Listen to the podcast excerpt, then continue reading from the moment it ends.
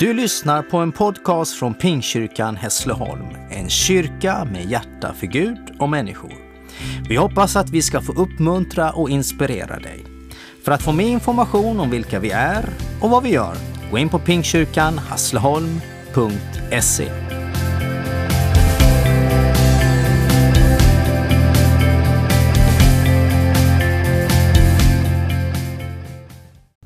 Jag ska läsa dagens bibel och predikotext från eh, Markus evangeliet kapitel 1 och från vers 1 till 20. Här börjar glädjebudet om Jesus Kristus, Guds son, som det så skrivet hos profeten Jesaja. Se, jag sänder min budbärare före dig, han ska bereda vägen för dig. En röst ropar i öknen, Bana väg för Herren, gör hans stigar raka. Så uppträdde Johannes döparen ute i öknen och förkunnade syndernas förlåtelse genom omvändelse och dop. Och hela Judeen och alla Jerusalem kom dit, ut till honom, och de bekände sina synder och döptes av honom i Jordan. Johannes var klädd i kamelhår och hade ett läderbälte om livet och han levde av gräshoppor och vildhonung. Han förkunnade efter mig kommer den som är starkare än jag och jag är inte värdig att böja mig ner och knyta upp hans sandalremmar. Jag har döpt er med vatten, han ska döpa er med helig ande. Vid den tiden kom Jesus från Nasaret i Galileen och döptes i Jordan av Johannes. När han steg upp ur vattnet såg han himlen dela sig och anden komma ner över honom som en duva. Och en röst hördes från himlen. Du är min älskade son, du är min utvalde. Anden drev honom ut i öknen och han var i öknen i 40 dagar och sattes på prov av Satan. Han levde bland de vilda djuren och änglarna betjänade honom. När Johannes hade blivit fängslad kom Jesus till Galileen och förkunnade Guds budskap och sa Tiden är inne, Guds rike är nära. Omvänd er och tro på budskapet. När han gick ut med Galileiska sjön fick han se Simon och hans bror Andreas stå vid sjön och kasta ut sina kastnät, för de var fiskare. Jesus sa till dem, kom och följ mig, jag ska göra er till människofiskare. Och de lämnade genast sina nät och följde honom. Lite längre fram fick han se Jakob, Sebedaios son, och hans bror Johannes som höll på att göra i ordning näten i sin båt. Han kallade på dem och de lämnade sin far Sebedaios och hans folk i båten och följde efter honom. Idag är början på något nytt, en ny predikoserie. Under sommaren och en tid efter så kommer vi fördjupa oss i Markusevangeliet under rubriken Han som förändrar världen, en resa genom Markusevangeliet. Men du som lyssnar kanske inte vet vad Markusevangeliet innebär eller vad det ens är. Så på den här inledande predikan så tänkte jag börja med lite bakgrundsinformation. Markusevangeliet är ett av de fyra evangelierna, det vill säga skrifterna som berättar om Jesu liv och lära. Matteus, Markus, Lukas och Johannes. Markusevangeliet tillhör även det som kallas synoptikerna, det vill säga Matteus, Markus och Lukas. Synoptikerna liknar varandra text och innehållsmässigt och av dessa tror de flesta forskare idag att Markus evangeliet är äldst. Markus evangeliet är koncentrerat, det är händelserikt och det är effektivt. Sånt som jag personligen gillar. Det händer saker hela tiden och det är inte utfyllt med svammel utan det är kärnfyllt och innehållsrikt. Man tror att det är skrivet runt år 70 efter Kristus i en icke-judisk kontext med en icke-judisk målgrupp, vilket förklarar varför många av de judiska sedvänjorna förklaras i texterna. Så låt oss gå över till dagens text. Markus evangeliet börjar som vi tidigare hörde med en perfekt sammanfattning av hela evangeliet. Här börjar glädjebudet om Jesus Kristus. Det är alltså glädjebudet om att den historiske Jesus är Messias, den smorde. Markus förankrar sin skildring av Johannes och Jesus genom Gamla testamentets profetböcker, vilket ger legitimitet åt vidare berättelser. Johannes beskrivs som uppfyllandet av flertalet profetior, som en person som skulle bana väg för Herren, och liksom Jesus betonade han omvändelse. Jesus döps sedan av Johannes, och det är ett dop som utmärker sig från andra genom den tydliga närvaron av Guds ande. Himlen slets itu och öppnade en väg mellan människa och Gud. Det skedde en slags fusion och Guds ande blev en del av Jesus och samtidigt proklamerade Gud Jesus som hans älskade son och han bekräftade på så vis Jesu identitet. Efter Jesu dop följer en tid av prövning med frestelser från Satan som blir förberedande och utrustar för tjänst. Jesus är inte den första som får sin tro prövad och han är inte heller den siste. Men denna prövning leder Jesus till en ny fas i livet.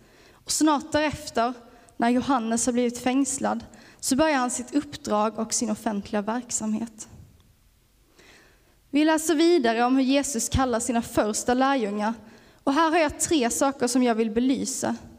Tre punkter som spetsar till det lite extra. Och det är tre slutsatser från tre saker Jesus säger. Det första är att Jesus förkunnar. Tiden är inne, Guds rike är nära, läser vi i den femtonde versen. Under tiden som Jesus levde och verkade så fanns det en stark längtan efter Guds ingripande, en gudomlig intervention. Man hade varit försatt i exil och nu var man förtryckt av romarna och man längtade efter en egen kung som skulle skapa rättvisa och frihet från våld och förtryck. Men kanske var det inte exakt det som Jesus gestaltade och förkunnade som man hade väntat sig. Tiden är inne, förkunnar Jesus. Ordet som Markus använder här är grekiskans kairos. Curtin Lindberg beskriver hur ordet kairos markerar tiden för en avgörande händelse. Kronos, som är ett annat grekiskt ord för tid, är den kronologiska tid som vi mäter i olika tidsenheter. Sekunder, minuter, timmar, dygn, veckor, och månader och år. Kairos kan kvalitativt ändra Kronos i den mån att det finns ett före och ett efter. Ett exempel på din närtid kanske kan vara något av de två världskrigen, eller till och med en pandemi som vi nu går igenom. Det finns ett tydligt före och det finns ett tydligt efter. Och tiden före skiljer sig markant från tiden efter. När Jesus förkunnar att tiden är inne och Guds rike är nära, så förkunnar Jesus himmelrikets inträde på jorden. Ett skifte sker och det finns ett tydligt före och ett tydligt efter. Guds rike är det rike som Jesus kommer med till människorna. Det rike som vi tidigare varit frånskilda från genom synden och som han genom sin förkunnelse beskriver och ger en smak av och som han uppenbarar genom sina gärningar för dem som tror. Guds rike innebär en värld fylld av Guds rättfärdighet, Guds rättvisa och Guds ande. I riket som har kommit i och med Jesus, nådens rike, ges en försmak av den kommande världens substans. Guds rike är framtida, men det är även nutida. Det är mitt ibland oss. Det är som att Jesus inkarnerar Guds rikes förlossning. Det är ett eskatologiskt nu. Jesus förkunnar att tiden är inne, Guds rike är nära. Det är nu, vi behöver inte vänta. Gud är mitt ibland oss, Guds rike är mitt ibland oss. Och där Guds rättfärdighet skiner igenom i våra handlingar så manifesteras Guds rike och det ger hopp om den väntan vi har på att Guds rike fullt ut ska fullbordas. En återupprättad värld fri från synd, där Gud har vunnit den slutgiltiga segern. Men i vår väntan så kan vi uppleva Guds rike här och nu. Där Guds vilja sker, där är nämligen Guds rike oavsett tid och rum. Jesus betonar omvändelse och tro som central för Guds rikes inbrott, vilket tar oss vidare till nästa punkt.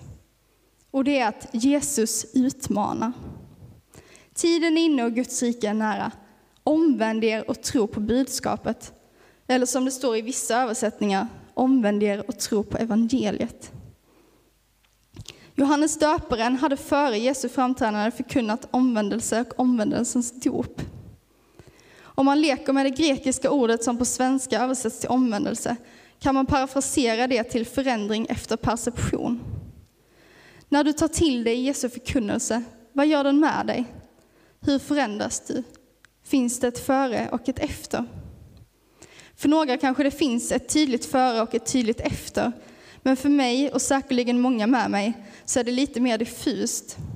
Jag tror att vi behöver erinra oss ständigt och kontinuerligt om Jesu förkunnelse och låta vår hjärnas perception av Jesu ord få förändra oss gång på gång på gång.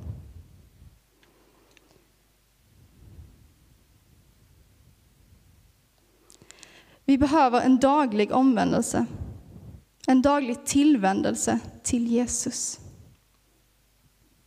Men det är en engångsföreteelse som har ett före och ett efter. Det är dopet. I Romarbrevet 6 och 4 skriver Paulus vi är begravda med honom genom dopet till döden för att leva det nya livet, liksom Kristus är uppväckt från de döda genom Faderns härlighet. Och begreppet omvändelse i Markusevangeliet förknippas både med ett reningsdop i vatten, som Johannesdopet, men även dop i helig ande. Både Jesus och Johannes förkunnar att omvändelsen är en grundförutsättning för det skatologiska nuet och Guds rikes inbrott i världen. Omvändelsen är inte din prestation, utan vad som händer i dig och de beslut du tar när du bejakar Jesu kallelse. För det är så att Jesus kallar. Jesus säger kom och följ mig. Han talade till lärjungarna där de var med ett språk som de förstod. De var fiskare och Jesus använde sig av deras vardagsliv och yrkesvokabulär genom att säga att han skulle göra dem till människofiskare. Jesus talar även till oss där vi är med ett språk som vi förstår. Och I frikyrkan så talar vi ofta om kallelse. Och kallelse ofta i form av vad Gud har tänkt med ditt liv specifikt och ibland kanske främst om det är missionär, pastor, evangelist eller dylikt. Någon som talar om kallelse på ett lite annat sätt, det är Magnus Malm. Han menar att den här synen på kallelse gör att den handlar om vad jag gör istället för vem jag följer. Jesus säger kom och följ mig. Och det är detta man betonar i kallelsen. Jesus kallar oss till sig. Han kräver inga verk eller gärningar av oss, utan vårt liv ett liv levt i efterföljelse. Att säga ja till Jesu kallelse, det är ett prestationslöst ja. Ett prestationslöst ja i den formen att jaet kan kräva att du säger nej till världsliga prestationer och ambitioner till förmån för att följa Jesus. Bejakandet av kallelsen innebär att vi bejakar Guds verk i oss, att han får göra oss mer lika honom. Jag skulle vilja citera Malm ur hans bok Vägvisare. Så här skriver han. Kallelsen är ett återupprättande av relationen mellan Gud och människan för att hon där ska få helas till sin sanna identitet. Slutcitat. Jesus säger vidare, jag ska göra er till människofiskare. Här övergår det kanske mer från följande till görande, men var noga med vad Jesus säger, han säger, jag ska göra er till människofiskare.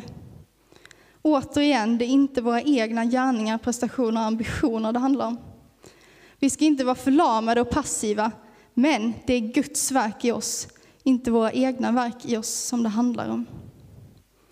På så sätt skulle man kanske kunna dela in den frikyrkliga termen kallelse i tre dimensioner. Den primära kallelsen skulle på så vis vara kallelsen till Kristus, Syftet med våra liv, uppfyllelsen av vår identitet. Alltings utgångspunkt och livets hörnsten. Återupprättandet av relationen mellan Gud och människa. Kallelsen att bejaka och älska Jesus. Den sekundära kallelsen blir då vad som händer när vi bejakar den primära kallelsen. Gud börjar göra sitt verk i oss och vi börjar återupprättas till en skapelse efter Guds vilja. Den formar vår personlighet. Jesus gör oss till människofiskare. Den tertiära kallelsen blir det Magnus Malm kallar för sändning. Det som kanske många förknippar eller har förknippat med ordet kallelse. Det handlar om det som Jesus sände ut lärjungarna till och det vi kan bli utsända till.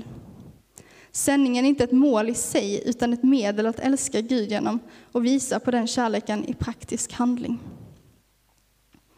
Kallelsen till Kristus sträcker sig bortom tid och rum, genom liv och död. Den är evig. Jesus kallar oss till sig och säger Kom och följ mig. Så avslutningsvis, om du undrar vad meningen med livet är eller är desperat för att hitta dig själv så kan jag bespara dig en resa till Asien. Meningen med livet är att ära Gud med våra liv, att komma nära honom som själv skapat oss, den ursprungliga källan för kärlek. Och den du är, din identitet, det är Guds barn. Guds barn kallad till att vara Jesu efterföljare. Han som offrade sitt liv för att vi skulle få liv. Han som tog på sig all vår synd för att vi skulle kunna leva fria från syndens bojor. Jesus förkunnar ett nytt budskap, att väntan är över och Guds rike nära. Jesus utmanar oss att vända om från våra villovägar, att tro på något mer än oss själva och att bejaka hans kallelse. Jesus kallar oss till honom, till att följa honom och till att bli lika honom. Det som vår kära Augustinus skriver i sitt verk Bekännelser. Du, o Gud, har skapat oss till dig och vårt hjärta är oroligt till dess det finner vila i dig. Låt inte din själ oroas. Kom till Jesus.